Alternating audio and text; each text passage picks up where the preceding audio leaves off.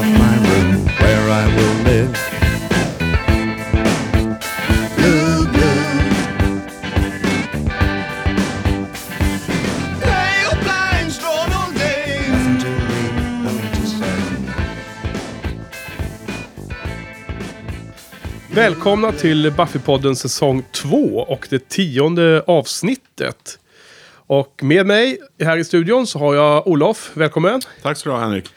Vad får man säga? God fortsättning. Ja, det får du säga om du vill. Det kanske är rätt här nu. Vi spelar in detta eh, vecka ett. Det har nyligen varit nyår. Ja. Eh, Så en bit in på nya året nu. Ja. 2018.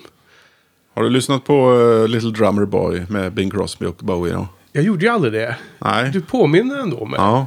ja, den finns ju på YouTube så det är bara att... Men berätta, lyssnade du på den eller? Ja, jag har tittat på den flera gånger. Ja.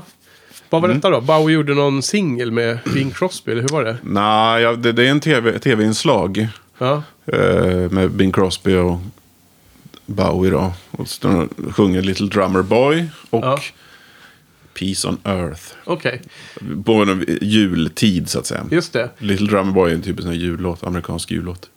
Är det samtida med skivorna vi ska prata om idag? Eller? Ja, det är det. Det, det är det det är också? Ja. Okej, 77 tror jag det är. spännande. Eller 78. Då borde jag ha gjort det. Jag, jag, Ja. jag såg ju ditt mejl men jag. Mm. och jag svarade ja, men jag glömde av det. Den släpptes ju på singel sen, men det var ju långt senare. Okej, ja. Ja, för idag ska vi börja med att prata om... Eh, i- ikväll ska vi prata om två skivor totalt sett. För de två kommande podd, poddavsnitten. Och båda är ju släppta 1977, så de är ju samma re- releaseår. Och den första då som är Bowies elfte album. Elfte studioalbum, det är skivan Low. Low. Och eh, senare ikväll kommer vi prata om eh, det tolfte albumet Heroes. Eh, Och Low eh, releasades i januari 1977. Så att den spelades ju in där eh, andra halvan 76 ungefär. Som det normalt var. Ehm, man kan säga att rent historiskt då så lämnade ju Bowie Los Angeles och ehm, flyttade över till eh, Europa. Ehm, Los Angeles var ju, det var ju förra skivan när han gjorde den här Station to Station. Som vi gillade så båda. Men han hade ju extremt tungt eh, kokainmissbruk. Och han har ju efteråt sagt att någonstans in i Kina så visste han att om han fortsatte på den vägen skulle han inte bli långvarig. Liksom. Det var liksom en dead end och han skulle inte överleva speciellt länge med, med det levnadssättet han hade. Så att han flydde väl mer eller mindre till Europa. Och eh, mycket av Low är tydligen inspelad, eh, själva grunderna av låtarna inspelade i en studio utanför Paris. Eh, men senare så flyttade de över till Berlin och eh, slutförde skivan. Och sen eh, bodde han ju i Berlin ett antal år. Och det var ju där den här eh, de här tre nästkommande skivorna, de här två som vi ska prata om idag plus eh, nästa efter det eh, blir den här Berlin-trilogin då. Därmed. Så eh, om, jag tänkte jag skulle göra helt oförberett här nu, så nu har jag inte givit dig någon heads-up heller Olof. Men jag tänkte att du skulle få berätta lite för en lyssnare som inte har hört Bowies skivor så mycket, vad Low är för någon skiva. Om du försökte beskriva den. Man tänker sig att man har lyssnat på alla de här Ziggy-skivorna och Diamond Dogs och sen Young Americans och Station to Station. Och har, har liksom den, den musiken, om man är, har hört den, men aldrig hört Low eller Heroes. Vad, hur skulle du beskriva förändringen? Eller, eller hur skulle du beskriva det i ord för att sätta det på kartan liksom? Vad det är för någon typ av musik? Mm, om man börjar med Low så eh, kan man ju säga att det är första sidan där är mer så att säga ganska korta nästan låt sångfragment skulle man kunna kalla det för. Att det inte riktigt känns inte riktigt som färdiga, färdigutvecklade låtar. Eh, och sen andra sidan är ju instrumentaler. Ja. Eh, med viss, eh, viss sång är det, men mest instrumentalt. Och så är även Heroes, fast på Heroes är det väl eh, kanske lite färre instrumentala låtar va? Och ta, ja, kanske ja. Mm. Men det är, upplägget är ungefär samma. Men däremot så Heroes känns det lite mer eh, färdiga låtar på sidan, eh, första sidan på LPn. Okej. Mm. Men det är ju en helt annan eh, inriktning. en... eh, de- en Musikstilen. Ja, de, de kallas ju bland annat för sån här krautrock då, lite tysk inspirerad, Kraftwerk-inspirerad musik då. Ja. Fast, ehm, ja, en, ja, stor skillnad mot de andra Bowie-skivorna. ja. Men eh, ändå väldigt, väldigt bra. Han var ju väldigt intresserad tydligen av den här eh, spirande synt Mm. eh, musiken. Och det som jag har läst om som inspirationer som han har fått, det är väl Kraftwerk som du nämnde, Tangerine Dream. Mm. Det är också ett tyskt band. Och sen något, ett band som heter Neu, N-E-U. Mm. Utropstecken heter de. Jag tror jag har sett det namnet någon gång, men det är ingen musik jag har hört. Känner du till dem eller? Nej. Det var ju någon eh, gitarrist i Neu som han ville ha med på, på Heroes, men det blev inte så. Eh, Så blev det han Fripp istället. Mm. Robert Fripp, Robert Fripp, just ja. det. Så läste jag någon anekdot där, där det har blivit någon missmatch på kommunikationen där. Mm. Men det var tydligen en inspirationskälla, så han har gått in till en helt annorlunda stil. Eh, eh, nästan helt overkligt annorlunda om man jämför med en skiva som Hunky Dory till exempel. Eh, och det är ändå inte mer än fem år if- ifrån ju. Nej. Många andra artister kanske inte hinner röra sig lika, i lika många riktningar och lika långt på fem år i sin karriär. Nej. Kan jag tycka. Nej, alltså vi kanske kommer till det när vi sammanfattar den här perioden mellan, vad man ska säga, 71 och 83 kanske Ja, i Bowie. Liksom hur, hur mycket olika stil, musikstilar han... ja du, du Han med. det? Ja, Ja. Tänkte, ja, precis. Eller vad tänkte du på? Jo, jo absolut. Mm. Nej, men jag tänkte just 71-83 så undrar jag vad du, vad du syftade. Men absolut att det var verkligen, det, det är som en... Eh, hans eh, period med mest variation. Mm. Och, och, men du, ah, okej, så du menar att han också slutade lite att utveckla sig där- därefter? Eller hur tänker du? Ja, men alltså eh, Let's Dance det är ju någon form av slutpunkt Ja, eh, på det här fantastisk framgångssagan. ja. Sen eh, blev det några år sen med inte riktigt det flytet då han hade. Eller vad man ska kalla det för. Ja, Så att, eh, ja. Jag tycker Let's Dance är en, en slutpunkt. På ett sätt. Det är lustigt för att Let's Dance kommer ju också bli en speciell eh, singularitet för min del. För det var den första skivan som släpptes när jag var fan. Alltså, eller det var i, med, med, med den skivan som jag blev fan. Och eh, alla skivor som har varit före Let's Dance från 83 har, jag har alltid varit gamla skivor som jag har fått liksom lyssna in mig på eh, från backkatalog. Och alla skivor efter Let's Dance har varit sådana som har kommit när man redan varit liksom bekväm med Bowie. Så att det blir ju lite speciellt före och efter. Men vi kommer till det. Eh, när man kollar runt lite på alla de här eh, källorna, när man tittar runt skivorna så... det var Bara en, en sak som jag tänkte jag skulle nämna här i, lite i inledningen. Eh, det finns en eh, online eh, musikmagasin som heter Pitchfork. Som inte jag har läst jättemycket av, men den är, den är ganska stor i USA tydligen numera. Känner du till Pitchfork, den webbsidan? Nej. Nej. Den är ägd av samma bolag som äger massor av de här stora kända tidningarna. Typ eh, Vanity Fair till exempel. Som, som är en stor eh, eh, månadsmagasin. Ehm, och Pitchfork har börjat som bara online. Men det finns även på tryckt format nu då, pappers. Ehm, de, och det är alltså en musiksajt som orienterar sig mot indie-musik mycket i början. Men som har blivit större och större. Och numera refereras till och anses som en liksom viktig spelare när det gäller liksom reviews och sånt. Och de, de har breddat sig och liksom... Eh, eh, vad heter det?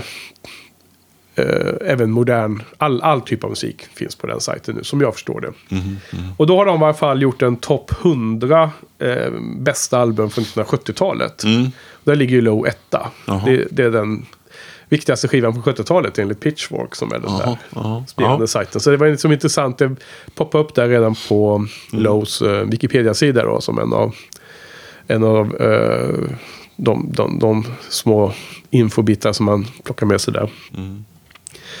Um, nej, så vi får väl komma till det. Men det är lustigt det här att båda de här skivorna har ju, som du är inne på, en A-sida, alltså väldigt tydligt A och B-sida. Lite Mm. som vi har, vi har ju spekulerat i det tidigare. Hur, hur eh, LP-sidorna hänger ihop och att de, Mm. de har betydelse och så. Inte minst låtarnas ordning. Men att på den här tiden så var det ju LP-skivor och då var det ju de här två sidorna som var separata. Eh, till skillnad från nu för tiden när man släpper skiva på en CD så är det bara en lång lista.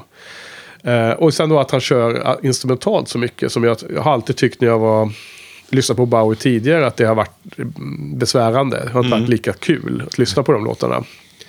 Ja, hur var inställningen förresten inför du lyssnade på Low? Vad, var, vad, vad, vad hade du för några förväntningar? Hur var det med den biten? Jo, det var väl lite det där att eh, man var lite rädd för de här eh, B-sidorna då. Att, BCn av eh, LP'na? Ja, att Ja. de skulle vara eh, jobbiga också. Att Ja. lyssna på igenom. Jag Hur, vet- hur blev det då? Eh, Nja, både och faktiskt.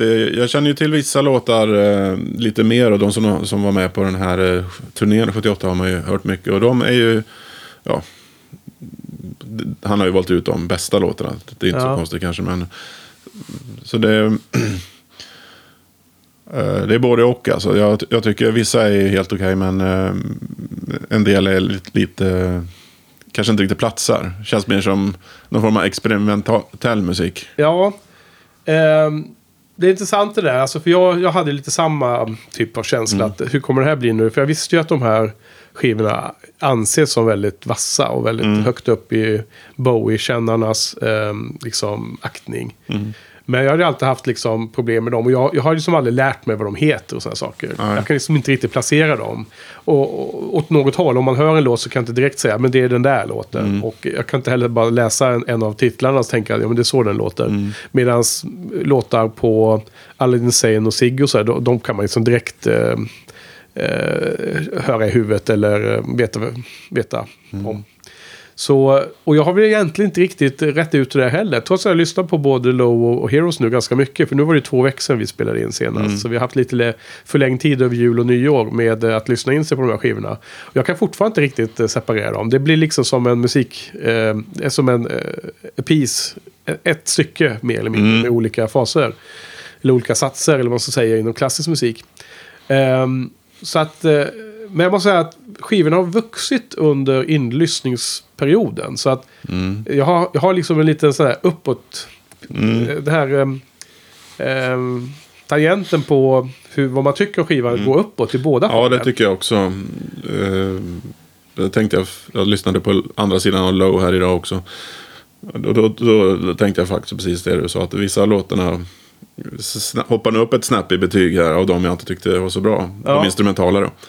Men tror, Eh. tror du att det är liksom att man, både du och jag har ju, som alla har vi vuxit sedan 80-tal och 90-tal och sådär. Mm. Och att man kanske är mer mogen för att höra en lite mer, kom, alltså det är lite mer svåråtkomlig musik. Att man kanske är mer, det kanske passar ens eh, lynne lite mer när man blir äldre. Så kan det nog vara. Men sen tror jag inte, jag har nog inte lyssnat på de här eh, sida två på de här så jättemycket. Så att, ja, många låtar är ju sådär som att de behöver växa in. Ja, Ehm, ja, Så att eh, det kan nog vara så också. Att, eh, jag tror till exempel eh, de här sista låtarna på Low. Weeping Wall och eh, Subterraneans. De har jag hört väldigt sällan. mm, det är samma hos mig. Och det är likadant de som, som inte spelades live från Heroes då. Nej.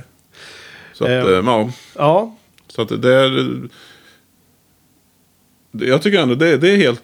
Det går jättebra att lyssna på det. Men eh, det är inte någon sån här... eh, direkta låtar. Men de behöver växa in som sagt. Ja. Um, Okej, Nej, vi kommer ju snart in på låtarna då alldeles strax. där, Men vi tar lite mer allmänna g- grejer. Det var ju det här med... eh, Bowie hade ju eh, spelat in den här filmen då. Vad blir det? 75 spelades ju The Man Who Fell to Earth In. Den släpptes 76 men de spelade in den 75. Och då ville han ju göra musiken till filmen. Men sen blev det någon form av... Av något skäl som jag inte riktigt har förstått. eh, så blev det inte så i alla fall.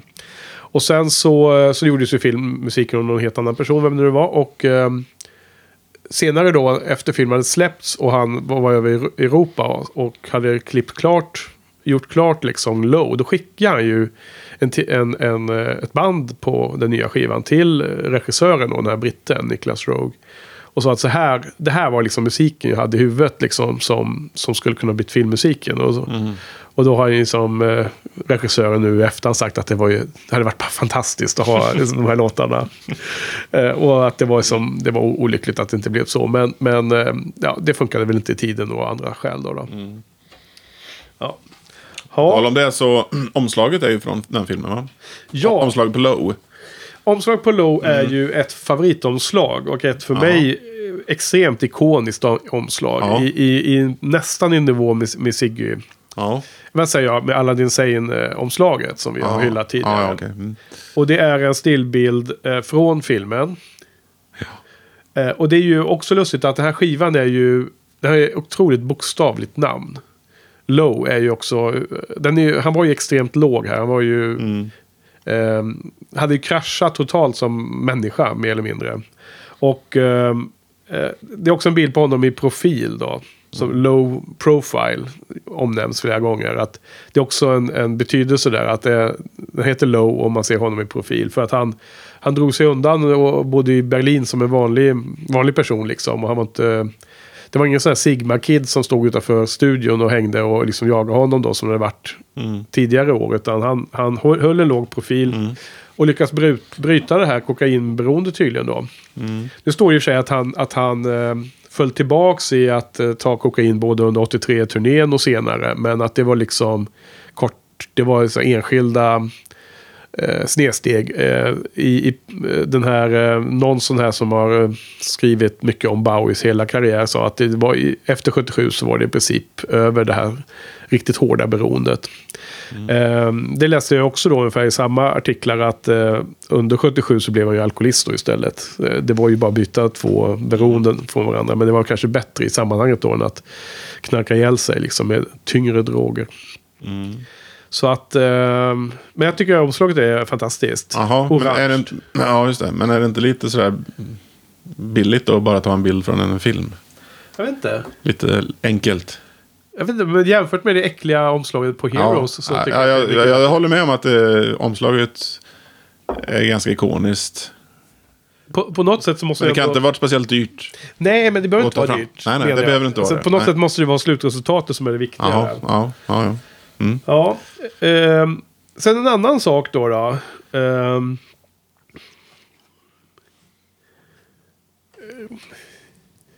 ehm, du nämnde någonting om att låtarna är fragmentariska. Det där står det också om på vissa ställen att eh, Alltså han, han slog sig ihop, för det första är det Tony Visconti som är, ehm, vad heter det, producent för de här skivorna. Alla tre då, Berlin-trilogin. Ja.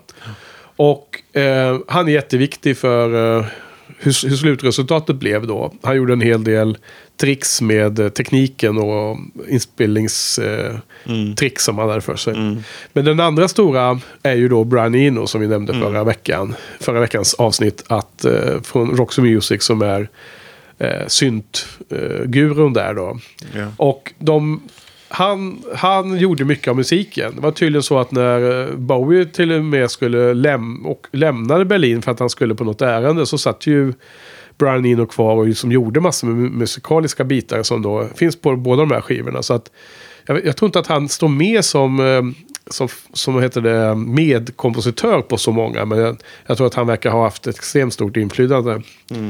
Och, eh, eh, och, och ibland så var låtarna helt korta och, och fragment. Men då så tyckte de att men vi, men vi tar med dem. Liksom. Så att det var någon form av kreativ trio där då. då. Och de spelade in musiken först och sen spelade de in eh, sången efteråt. Och um, på båda skivorna, men kanske ännu mer på Heroes-skivan, så var det tydligen att Bowie skrev eh, texterna i studion. Eh, steg för steg, typ två lines åt gången. Och så sjöng han in det, så de sparade. Och sen så skrev han två lines till och prövade det. Och så sjöng han in det och så gick de vidare på det sättet. Vilket låter som väldigt konstigt arbetssätt. Då. Ja. Eh, Man kan säga att Low eh, innehåller ju ännu mer instrumentalt än Heroes. För även på sida ett är det ju några låtar som mer eller mindre är helt Ja. instrumentala. Även om det är viss sång på dem. Så. Ja. Ja. Ja, men den, eh, den kom ut och fick ganska mixade Mm. recensioner. Den var väl inte speciellt hyllad egentligen. Eh, den sålde väl bättre i USA tror jag, Low, än, än i England. Eh, men det var ganska mixat. Men nu för tiden anses den som väldigt, väldigt eh, briljant. Då. Och eh, band som har påverkats, om man säger att Bowie var ju påverkad av vissa av de här tidiga syntarna. Så några, jag läste någonstans att, att det fanns referenser på att eh, Joy Division till exempel eh, var, var influerade av det här. Ehm, Soft Cell också, syntbandet och Depeche Mode. Så, så det är sådana band som är superkända sen på 80-talet. Eh, och så var det en ganska rolig liten anekdot, inte anekdot men eh, skrev om eh, Bowies inställning till punken. För att det, 77, det var ju punken började bli som störst va, och innan det han dö ut. Så tyckte han liksom att det där hade han och Iggy Pop och de redan gjort på tidigt 70-tal. Eh, någonting som skulle kunna vara åt det hållet. Och liksom, det var redan gjort, så det var, det var han helt ointresserad av. Tyckte det var liksom dead end. Då, då. Mm. Det var lite lustigt också. Har du något mer då? Jo, men det var en annan lustig grej. Att det stod att när han släppte Low så var, sket han fullständigt i att uh, göra någon promotion för den här skivan. Uh, är det någonting du också känner Mm, ja, exakt. Ja, men att uh, han, han drog ut på turné och var Iggy Pops synt. Han som spelar synthesizer i Iggys band. Så där 77, där innan man kom tillbaka till, till Berlin och började göra Heroes där på nästa höst någon gång. Så var han ute på det istället för att göra reklam för sin skiva. Så det var väl många aspekter att han var riktigt eh, liksom låg. låg. Eh, lustigt jag kommer att tänka på det är väl eh, Robert Smith, eh, sångaren och gitarristen i och, ja, The Cure. Han som skriver all musik och allting. Han var ju också ute på någon turné med något annat band. Vilka var det? Uh, Susie and the Banshees tror jag det var. Nu, nu får jag väl bannor om jag säger fel. Men någon gång där så han var bara gitarrist då istället för att vara frontfigur. Eh, ja, okej. Men du, då ska vi gå in och börja, börja kolla lite på låtarna kanske. Mm, jag tänkte på det här med att han inte gjorde någon promotion. Ja. Jag läste också att eh, singeln där då, Sound and Vision, Ja. eh, en av singlarna, eh, kommer ju ganska högt ändå, nummer tre då i, i England. Och, och en förklaring skulle tydligen varit att den användes som liksom jingle då när de gjorde reklam för skivan på tv så att säga. Okej. Så, men han gjorde ingen promotion, men den, liksom kom ändå högt då på grund av Ja, det här då så att säga. just det. Ehm, för att var det inte också vissa av den här musiken som användes i allmän reklam av andra, andra företag? Mm. Har jag något svagt minne av att jag sett Okej. någonstans. Så att, eh, att vissa av de här eh, bitarna har så att säga snurrat kanske i England då. då. Jag känner inte igen det från eget minne men jag tror jag läste det någonstans. Att den, den också blev, har fått liksom mer uppmärksamhet då efter skivan. Ja. Ja, men första skiv- sidan är ju då lite kortare låtar och det är då sju låtar på den. Och det ju- blir inte så himla långt. Börjar med eh, Speed of Life. Eh, den är också instrumental va? Den är helt instrumental. Ja. Mm. Eh, vad tycker du om den inledningen? Den första låten? ja, den är fem av fem. What? Ja, Skämtar du med mig? nej, nej.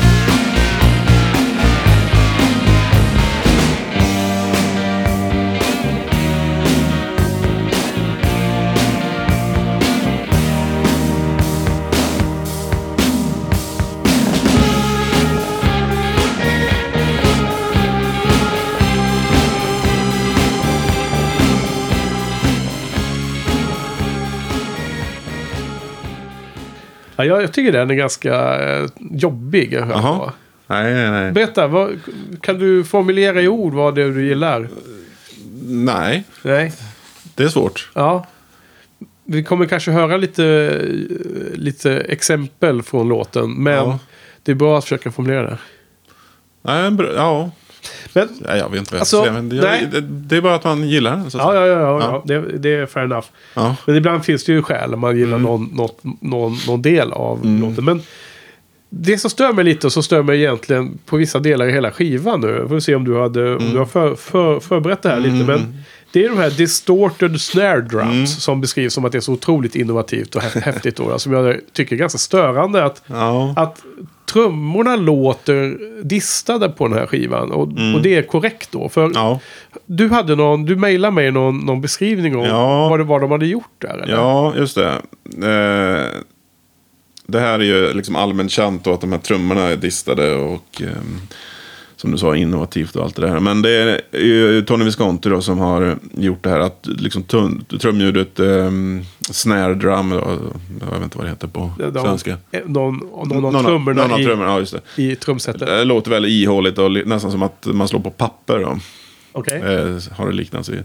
Och det är ju någonting han använder som heter Eventide Harmonizer. Okej. H, H910 Eventide Harmonizer. använder. Alltså den, Ja, den gamla mm. rackaren. Det finns faktiskt en Beatles-koppling här. Jaha. Just det här numret 910. Ja. För Beatles har gjort en låt som heter One After 909. Är det 910? Det är 910. Eh, Menar de den här, eh, den här elektroniken eller? Just det, de visste att det skulle komma. Nej. Ja, i alla fall. Du, du driver med Nej, nej, nej. Det är allt, allt. Jag säger allt är sanningen. Ja, Okej, okej. But of course. Ehm, jo, men det är ju... Du gillar inte det distade ljudet, men det är ju innovativt och härligt då Ja, såklart. men tycker du att det låter skönt eller? Ja, ja, det, ja men det... Ja, jag, jag tycker det är helt... Jag har, inte, jag har inte tänkt på det faktiskt. Jag undrar vad du menade först när du skrev så. Men så lyssnar du på det och det, det, det är ju rätt då. Ja. Därför att ibland ser man referenser till att live-versioner av låtarna Mm. från båda de här skivorna, då på den här eh, skivan Stage som Mm. har släppts från 78-turnén. Och även andra extra live-låtar som släpps på diverse eh, Best of-skivor och annat. Eh, är då bättre än Mm. skivan står det ibland. Eh, kanske har att göra med att man har ett mer klassiskt rent ljud då från ett Mm. vanligt band med, med trummor, bas och gitarr och så. Och synt. Eh, just det. Kan det ha att göra med det tänker jag då? Det kan det nog ha. Det, precis. Eh, men i alla fall om, om det här trumljudet ytterligare lite info då. Att eh, an, många andra producenter då ringde upp då. Eller kontaktade Visconti och Tony Visconti och var ju tvungna att få reda på Ja. hur, han, hade, hur han hade gjort det här. Då. Du, vi måste ta det när vi pratar om Heroes sen, låten Heroes. Så gjorde ju Tony Visconti en liknande variant med, med sången. Har du läst om det? Nej, det kan jag inte komma ihåg. men, men påminn mig om det då. Vi måste komma ihåg det sen. Men i alla fall, Tony Visconti svarade inte på den här frågan. Utan han eh, ville, ville istället höra hur, vad de trodde han hade gjort. Okej. Och, ja, jag vet inte om det Nej. var någon som gissade rätt. Men, eh, ja, ja, det var det. Det var det att de hade liksom eh, tagit ljudet och fört det igenom den här elektroniska manicken och sen så hade de fått ett distorter... Dis, eller hade de Ja. någon slags feedback eller något slags Nej, jag, jag eko tror eller? de, de, de hade på något vis behandlat ljudet och genom den här. Okej. Ja, det finns säkert mycket mer att läsa om det. Jo, nej men personligen är jag inte jätte, jätte förtjust Nej. i det. Faktiskt. Eh, men, Men, eh, ja. ja. Speed of Life då. bra, okej. Jag, är inte, jag är inte imponerad av den här låten. Nej, men det är jag. Eh, absolut, det är ju kul att vi har lite det är variation. Inte, ja, precis. Och det är lite ingen fant- det är ingen superfantastisk låt, alltså avancerad låt, men jag, det jag gillar ljudet. Ja. Mm. Men många är de inte korta och så. Och sen speciellt nästa också då som är under två minuter. Breaking Glass som jag tycker är väldigt bra.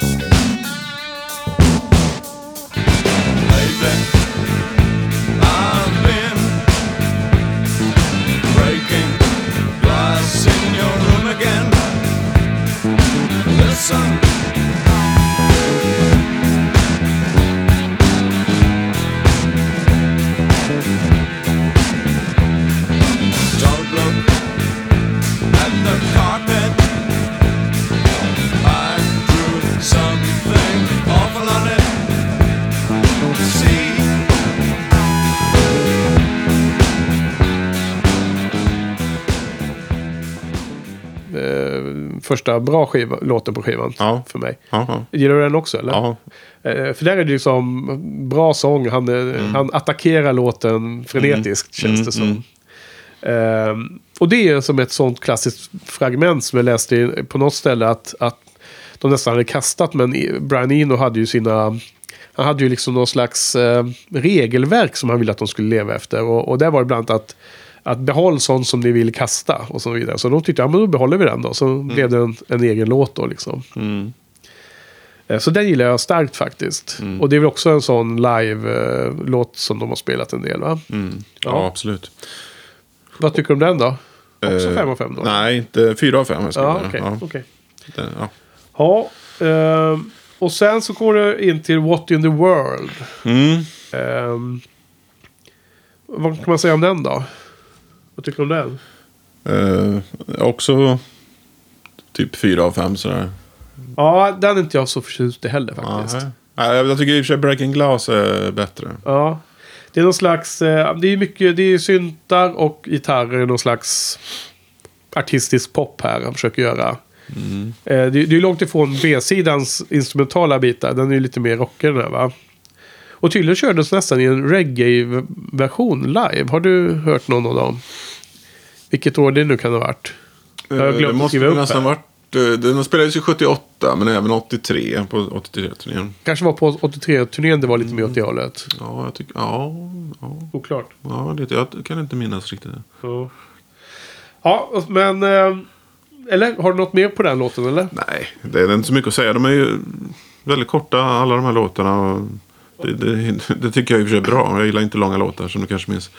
Jo, Mm.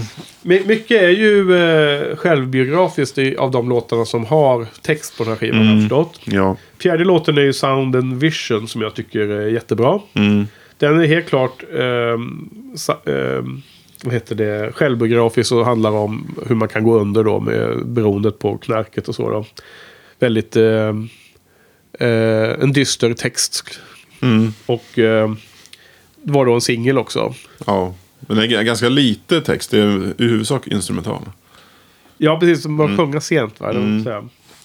Eh, Men den, den tycker jag är riktigt stark faktiskt. Jag gillar jag mycket. Det var ju ganska stark hit också. Nummer tre då i, i England. Så. Ja. Jaha, jag kanske blandade ihop tidigare. Hur kom L LP? Vilken LP plats? kom ju, om det stämmer det jag läste, nummer två i England. USA, uh, jag vet inte vad jag har skrivit. Nummer 11 tror jag det ser ut som. Okej, jag har blandat ihop siffrorna Ja. tror jag. jag nämnde lite För nummer tidigare. två måste vi anses vara Ja, ja. okej liksom. Absolut, och det, det är väl också en... eh, eh, har man ju sett på andra fall att det liksom skivorna efter eh, väldigt bra skivor Mm. dras upp liksom. Många köper väl skivan bara för att man lärde sig artisten tidigare. Eh, sen kommer i alla fall en eh, eh, bra låt. Nummer fem, Always Crashing in the Same Car. Mm. det är lite lustig. Ja, det, Eh. det tycker jag nästan är... Ja, det är en av de två bästa låtarna på, på skivan. Ja, jag gillar den. Ja.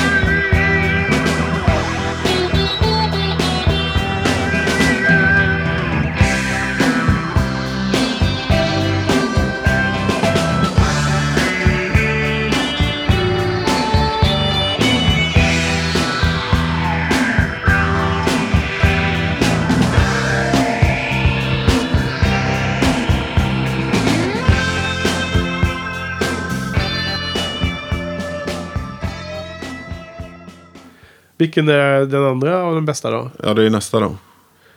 Okej, men du har redan nämnt att låtar som är 5 av 5 och 4 av 5 och så. Ja, men, eh, De här är också det är 5 flera av av 5. fem av fem. Ja, ja. Ehm, ja, men det är en jättebra låt. ja, En härlig titel också då. ja precis. Vad Sen kan man så- säga om den då? Ja, jag läste ju att... Eh, ja, alltså att man, att man gör om samma misstag stup i kvarten och sådana här saker skulle det handla om då. Typ. Ja. Eh, vilket stämmer ju. Både vad det gäller alla möjliga olika ämnen. Liksom. Ja. Knark och ja, man gör om samma misstag igen. Även det här självbiografiskt, att, Mm. han bara, att han funderade över sin, sitt eh, beteende så att säga. Sen läste jag också att eh, det skulle vara liksom någon konkret grej att han hade eh, kraschat in sin bil på, i bak, bak, bi, eh, här, baken på en annan bil. Hade hans knarklangare Jaså? bil. Hade, att han nog hade kört in i den med sin bil. Och han och Iggy Pop då. Så han hade kört ner i garaget då och bara kört runt, runt då med sin bil. Nej, okej. Det var då tidigare i typ USA någonstans? Ja, precis. Ja, Antar det. okej.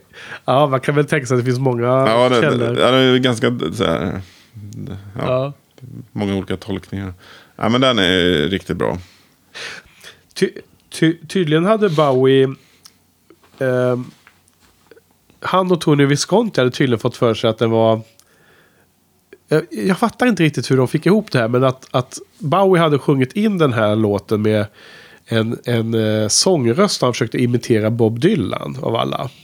Det är lustigt med som han gjorde den här Bob Dylan-låten. Eller eh, Song for Bob Dylan. Var det på Hunky Dory eller vad är det? Mm, just det. Eh, och det, det blev eh, så bra likhet i sångrösten så att de lurade Brian Eno på att det var Dylan. så de då tyckte var hysteriskt roligt då. Men den här versionen finns inte kvar på något sätt då. Utan han fick ju spela in den med sin vanliga sångröst. Men jag förstår inte alls varför de, de gjorde den kopplingen. Eller varför han tyckte att det var en låt som skulle passa med Dylan. Att det skulle vara en Dylan-låt liksom. Så att det var kanske någon, någon, någon form av... eh, Det kanske var sent på natten. De verkar jobba mycket. eh, Långa timmar. Okej, men du nämnde nästa var det ju eh, en favoritfilm. Be My Wife. Ja,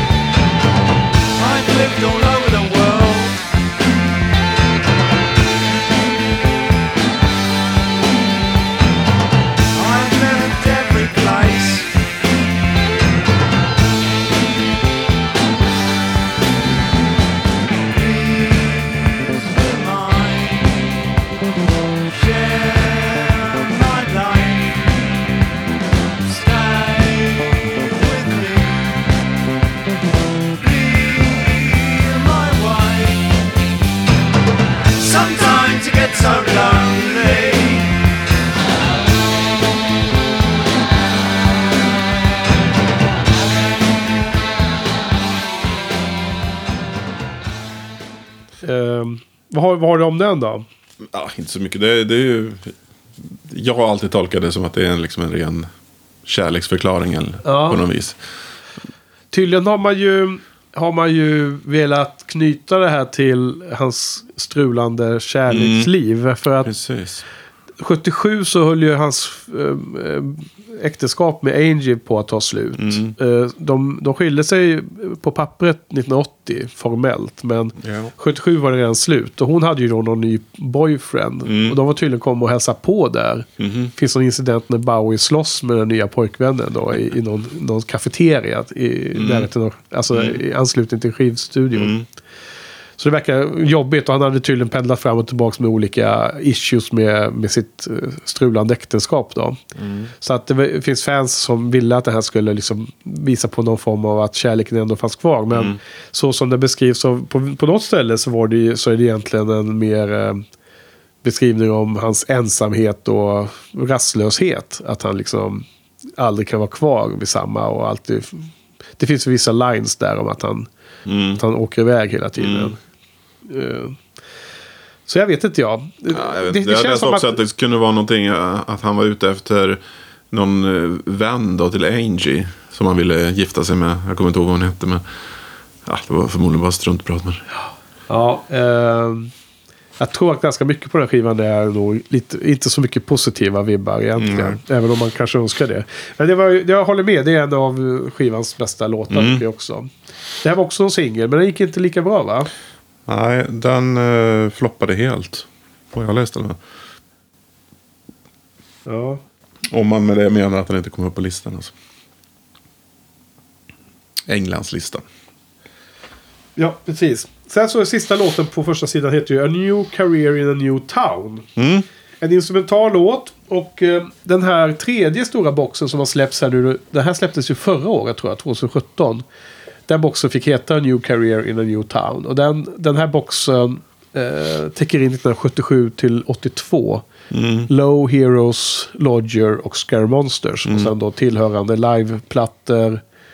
Eh, Heroes EPn är med där, där han kör eh, på tyska och eh, franska. På den kända låten. Mycket bra. En eh, ny mixad version av Lodger. Mm. Du vet, precis som Station to Station fanns en ny, ny mix. Ja. Kan man se om den här kanske är bättre. Ja. Och sen så finns det också den här eh, nya versionen av Stage med fler låtar. Mm. Och- Mycket bra. Som är satt i rätt ordning också. Mm. Tror- Jag för mig att det är Stage de har ändrat på ordningen va? Absolut. Ja. Och sen Recall, den här tredje boxens tredje extra CD med massor med B-sidor och sånt från singlar. Ja. Singelversioner. Så den har tagit namnet från det här då, New Career in a New Town. Så den är ju ganska självbiografisk titel. Jag menar han, han uh, resetar lite sig, sin eh, persona, sin musikkarriär och eh, Mm. sin musikstil och startar om i Berlin. Mm. Vad är det då? det här det- är liksom art music. Ja. det ja, det är högsta betyg.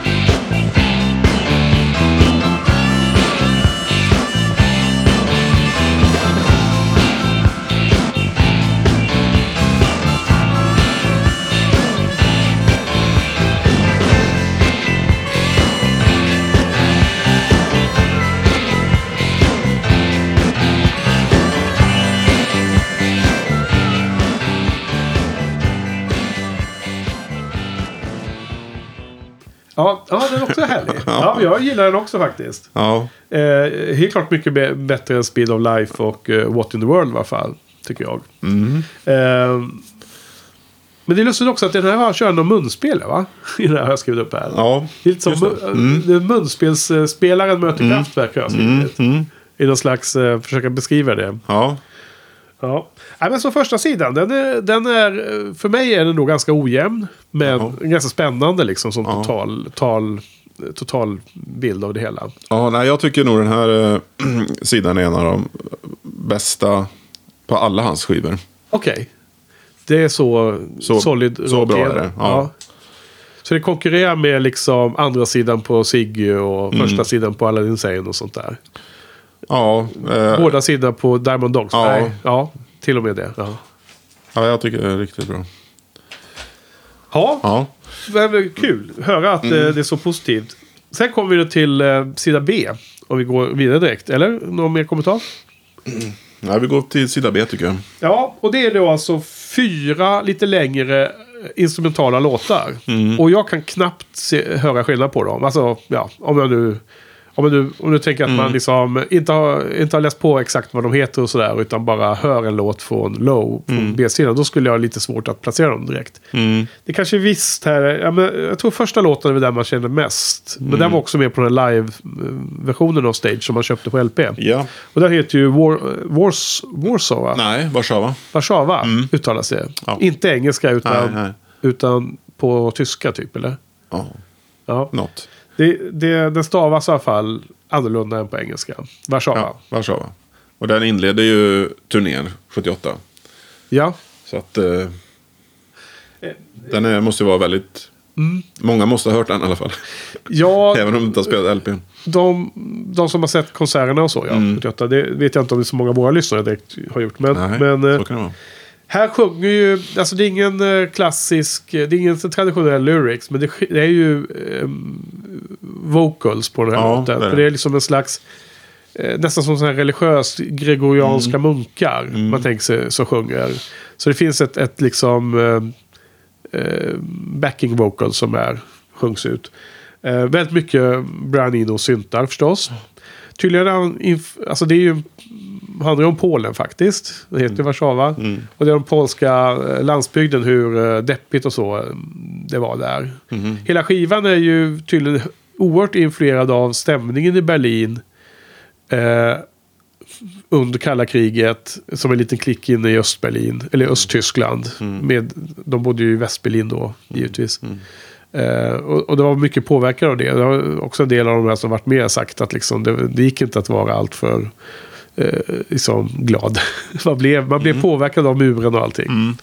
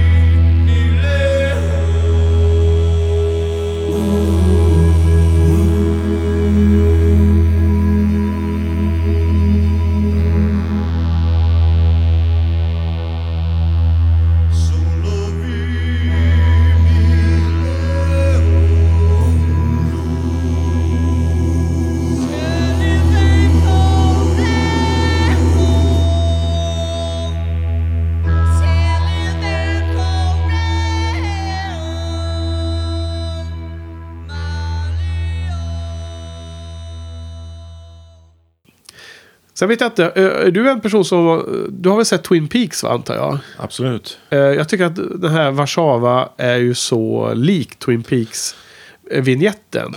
Eh, ja, det är det ju. Det håller jag med om. Eh, Med syntarna och även den här basen. Alltså det är inte...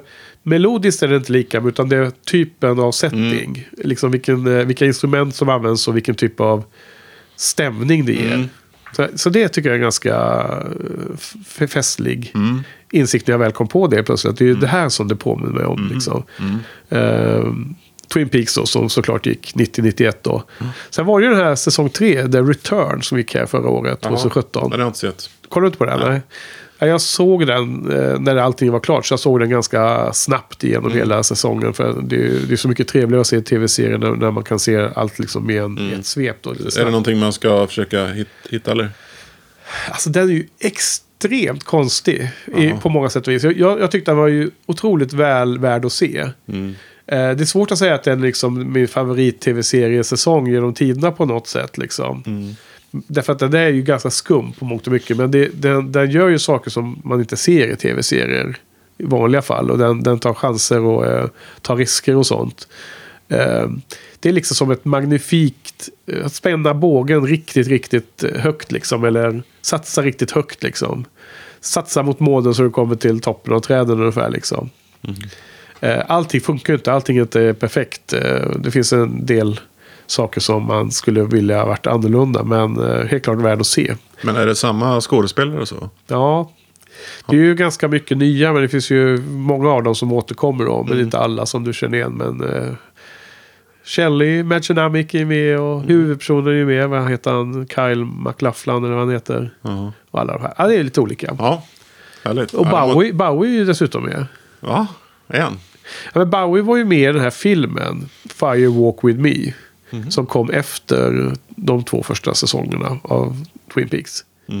Och Fire Walk With Me är ju en prequel till första säsongen. Eh, Så där är ju Laura Palmer huvudperson. Just, Och då fanns det ju en, en, en agent som hänvisas till i tv-serien som Agent Cooper pratade om. en- Som var en före detta kompis. Den, han spelas ju av Bowie. Så han var ju med i den tv-serien. Och här nu i den moderna, nya eh, säsong 3 så finns det ett väsen som, som symboliseras av den, eller som den karaktären är då. Fast nu är ju Bowie död så de, har, de har löst det på ett visst sätt då. då. Mm, mhm. Ja. Ja, och sen då Warszawa med. Det är den låt som jag har eh, intresserat mig mest av. För jag tycker den är ganska mäktig på något sätt. Mm. Eh, det är liksom fyra ganska enkla pianotoner som återkommer hela tiden genom låten. Och det, det läste jag en ganska absurd anekdot om att det är ju Tony Viscontis son som satt och spelade de där fyra. Han var fyra år då. Fyraåriga son. Eh, och... Eh, eh, och det, så hette Del- Delaney. Han gjorde det när Brian Eno var barnvakt för att Bowie och Visconti var någon annanstans. Då, som jag nämnde tidigare att Eno höll på i studion då.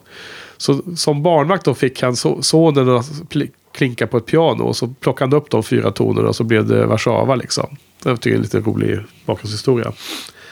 Och sen spelades också låten i eh, den här eh, biopicen om eh, Ian Curtis, sångaren i Joy Division som tog livet av sig. Okej. Den här filmen Control som spelas Wars- Warszawa. Jag tror den också spelas i den där Christiane F va? Fast den inte Jag tror sett. En live-version. Mm. Okej, så vad säger du om den då? Ja, det, Fem av fem? Ja, högsta betyg. Ja, Ja, den, men det den här- också, det är- också bäst. Mm, ja, Ja. Ja, men det här är, tror jag är den bästa av alla instrumentala här på Low Heroes. Ja. Jag tycker första och sista på den här skivan, den här sidan är bäst. Mm. Eh, Jag skulle inte säga att det är den bästa av alla instrumentala. Kanske, jag har inte gjort en sån ranking i huvudet ännu. Så det är svårt att, jag måste tänka på Heroes också. Mm. Andra låten som vi kom in i Art Decade. Mm. Västberlin är Art Decade, skriver han här. Eh, och eh, här är de tyngda av utsikten ut över muren och såg de ryska soldaterna, eller tyska eller vad det var. Eh, det är något eh, cello som spelas här. Det är någon eh, eh, Ja. celloparti.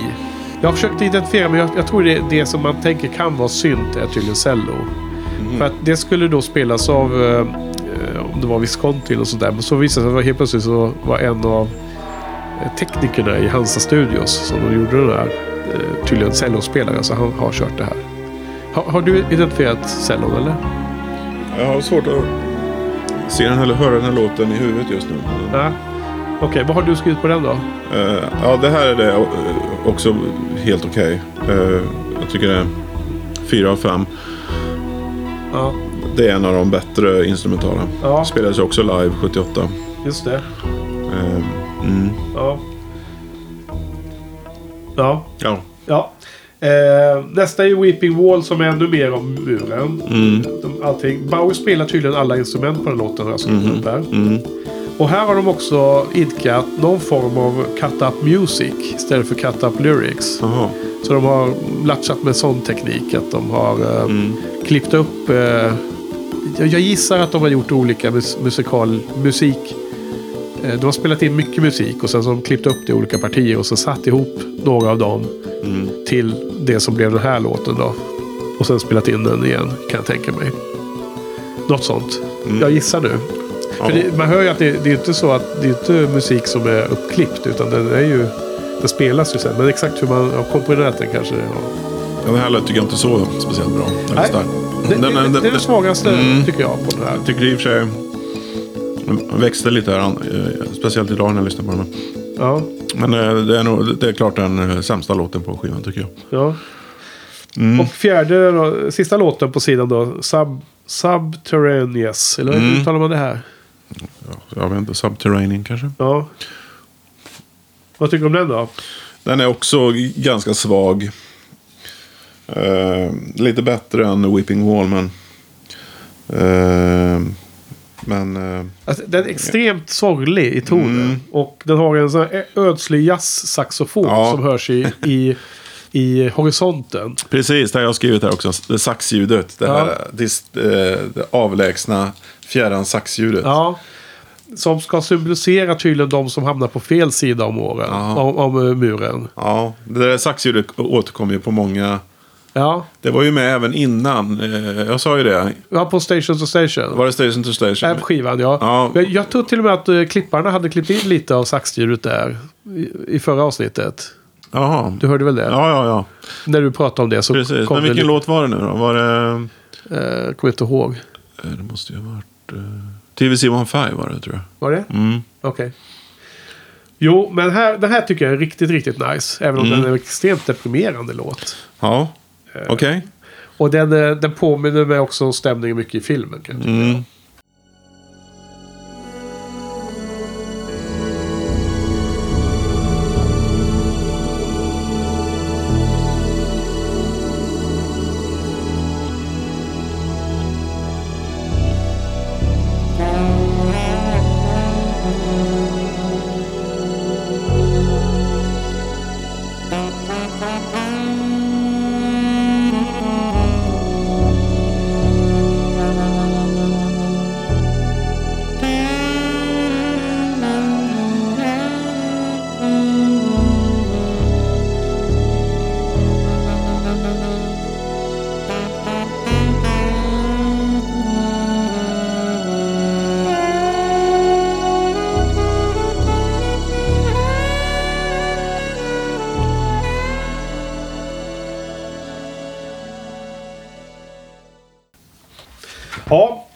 Okej, men det, det blir ju inte så, så mycket att säga om det här inte handlar om mer än att det bara är stämning. Jag, jag tycker det här är typiskt en skiva som är bättre. Eh, totala skivan är bättre än dess ingående låtar Mm. för mig. Det, det, blir Så som det en, en, det blir som en helhet i mitt huvud. Det lite igen då till den här liksom nästan som klassisk musik. Eh, faktiskt. Så eh, eh, Ja, vad tycker du om skivan som helhet? Det låter som att du har väldigt höga betyg på låtarna. Och, och Ja, du så är det. Vad säger du då? Vad, vad är din bottom line? Bottom line. Ja, är, Wrap it up. ja, just det. Det är... Eh, 9 av 10. Wow. Mm. Var det nära en 10 eller? Jag, innan jag började här, innan jag började lyssna på de här skivorna, jag tänkte jag hoppas det kan bli en 10 av någon av de här nu. Men Ja. eh, det, det blev inte 10 på low i alla fall. Nej. Det gick liksom inte riktigt med de här två sista instrumentaler tyckte jag. Nej. Weeping Wall och Subterraneans. Ehm, tyvärr, men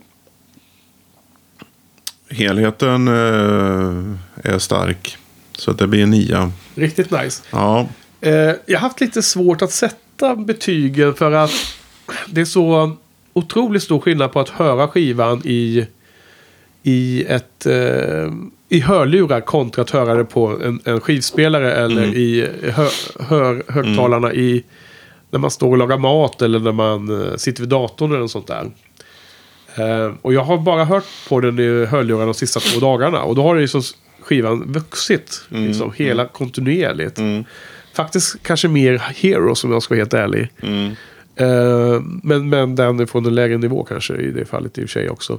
Så att jag, jag har hamnat på 7 av 10 i mitt slutgiltiga betyg. Jag tycker att eh, för mig är inte första sidan alls lika stark som du gav sken av. Eh, att den var för dig då. då.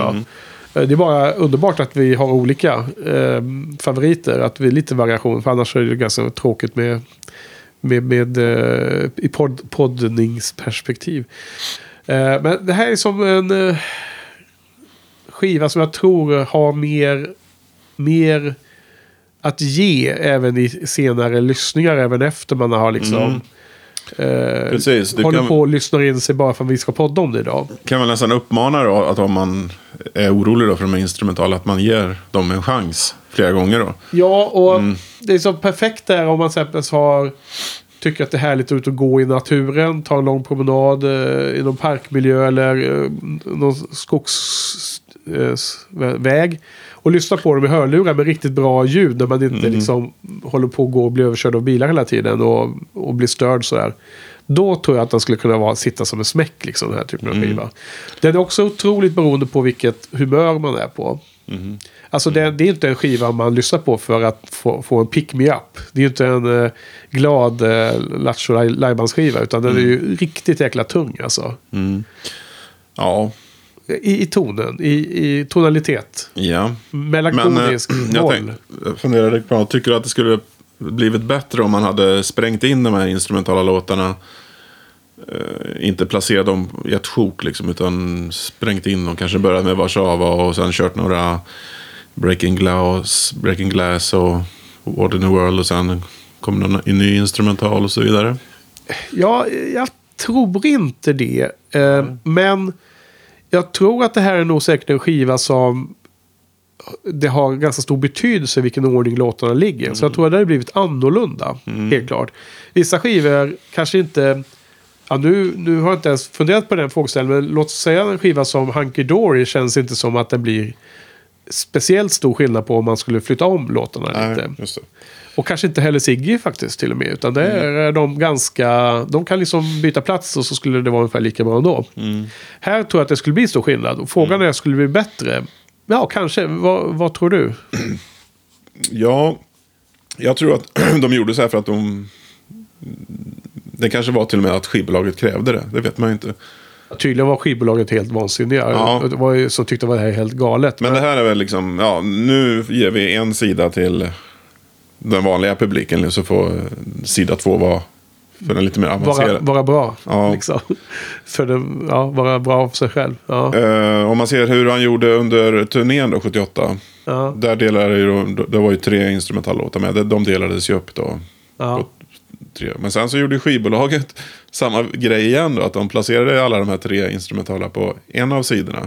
Ja. De- I en dubbel-LP. Ja, på, på dubbel-LPn sen då. Så Ja. att bara, ungefär. man, kunde, ho- man kunde hoppa den liksom. Ja, så då kunde man hoppa över den då. Ja. Alltså, jag drar mig till minne att det läste någonstans att den där managern som man hade lyckats avsluta sitt samarbete med redan 75 eller 76 eller vad det var.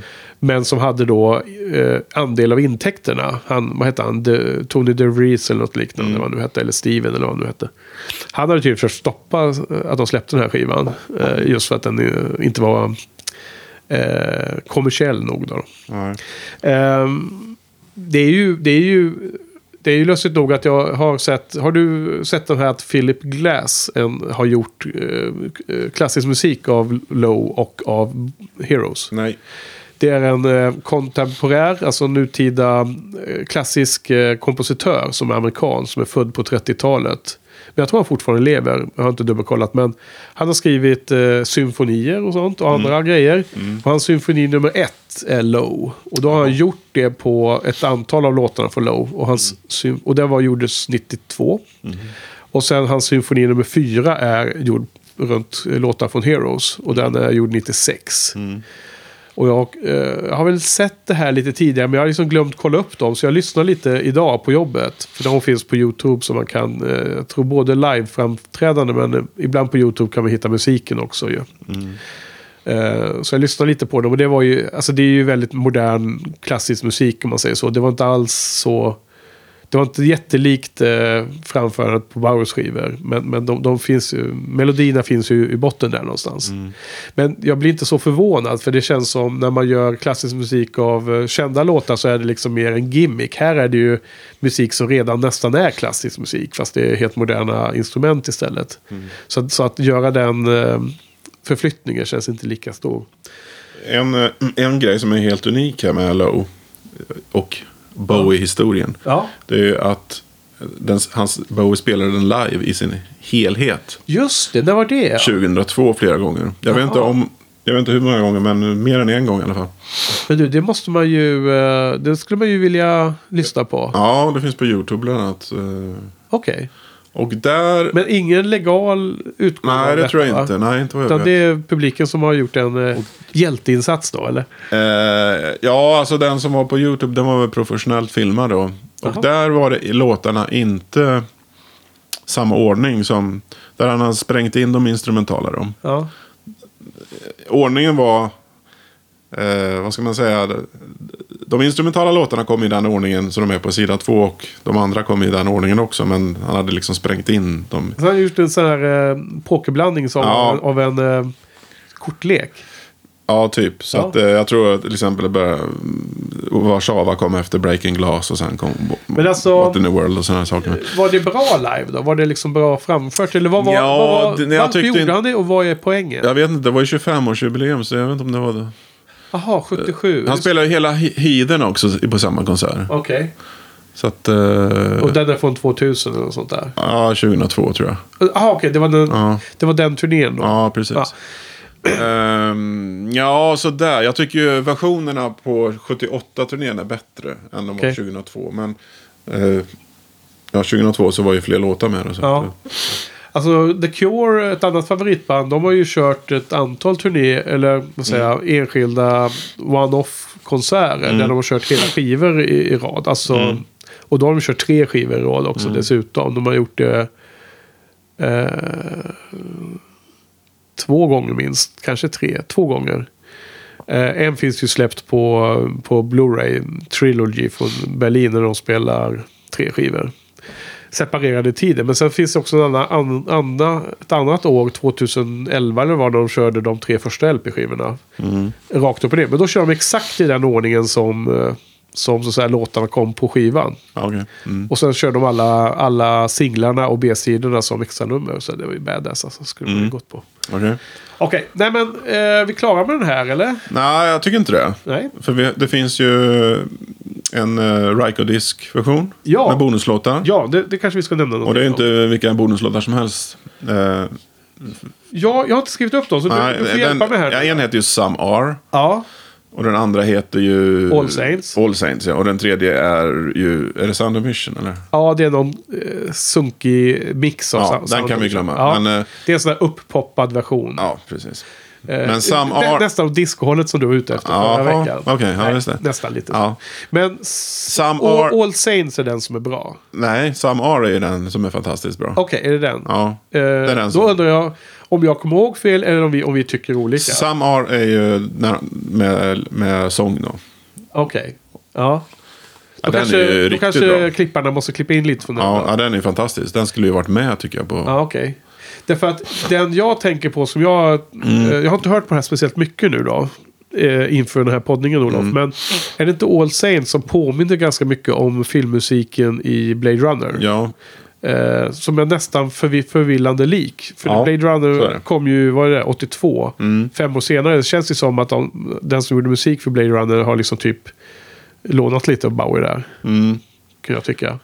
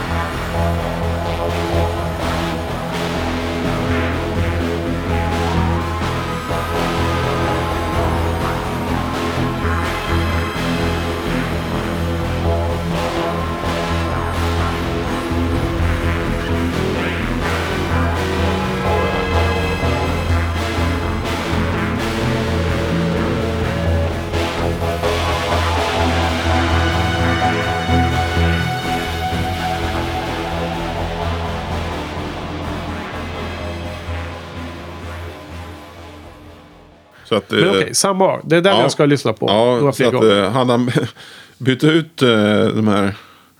Ja, jag vet inte om man ska byta ut. eh, Det är, det är svårt att säga om man ska byta ut low low liksom. Men Whipping Wall. ja. mm, Eller kanske lagt till de här låtarna. Ja, Så hade det blivit ännu bättre. ännu bättre. Så, så ja. samma år är också 5 av 5. Ja, det är den. Ja, fast det var bra. Mm, den är riktigt bra. Ja, okej. Ja, men det är ju rätt. Den, den ska vi prata om. Mm. Ja. Ja, och, all, och omslaget har vi nämnt. Jag älskar det. Jag tycker det är snyggt och jag tycker det är ikoniskt. Du var inte lika positiv. Ja, så visst. eh, Jag håller med. Hade jag inte... Jag tyckte bara det var lite cheap att ta en, eh, bara en bild, stillbild från filmen. Men eh, Fast det finns aldrig någon... Det- Det, det kanske- finns ingen scen som du ser. Där är Nej, bilden utan det- det- det- Den här är efterbehandlad det hände. Ja. Ja. Sen har jag för mig att det stod inte låttitlarna på baksidan. Jag ser inte det på den här CD. Ja, Det här är en exakt kopia av första utgåvan. Jaha, så det stod inte låttitlarna. Nej, Alltså. det verkar inte så. Vad konstigt. För du ser, här, det finns ju till och med den här lilla leafleten med som man ska anmäla sig till fanklubben. Ah, Okej. Det här var på 70-talet. Och sen står ju, fanns det någon, någon insert där på LPn Mm. alla låtarna och så. Ja, okej. Mm. Men du, kul. Då har vi Low. Eh, Ja. 9 av 10 av dig, 7 av 10 av mig. Ja. Ja. Så, lite kort här Olof. för Vi ska ju eh, köra en till här ikväll. Och det, nästa skiva är ju Heroes. Och den Mm. ska vi prata om snart. Fast som kommer för lyssnarna nästa vecka. Eh, också från 1977, fast sent på året. Mm. Så var det, din, hade du precis samma inställning till den? Eller var det någon skillnad? Hade du någon annan förväntning på Heroes jämfört med vad du hade inför Low? ja, jag hade lite lägre förväntningar på framförallt sidan ett på Heroes. Eh, Ja. De traditionella låtarna där då. Precis, för det är samma struktur på Mm. den skivan. Det visste vi ju då. Eh, Så det var lite lägre förväntningar. Ja. Mm. Det hade jag också faktiskt. Ja, ja, för mig var det entydigt att Low skulle vara den starkaste skivan av de här. Mm. Så Men sen eh, har vi ju Bowies kanske mest ikoniska låt på nästa skiva. en av dem, ja. Ja, Låten Heroes. Ja. precis. Okej, men då eh, säger vi så för den här veckan då. Va? Ja. Så får vi eh, återkomma om en vecka för allihopa. Så tack för idag Olof. Tack ska du ha Henrik. Då hörs vi. Hej hej. Hej.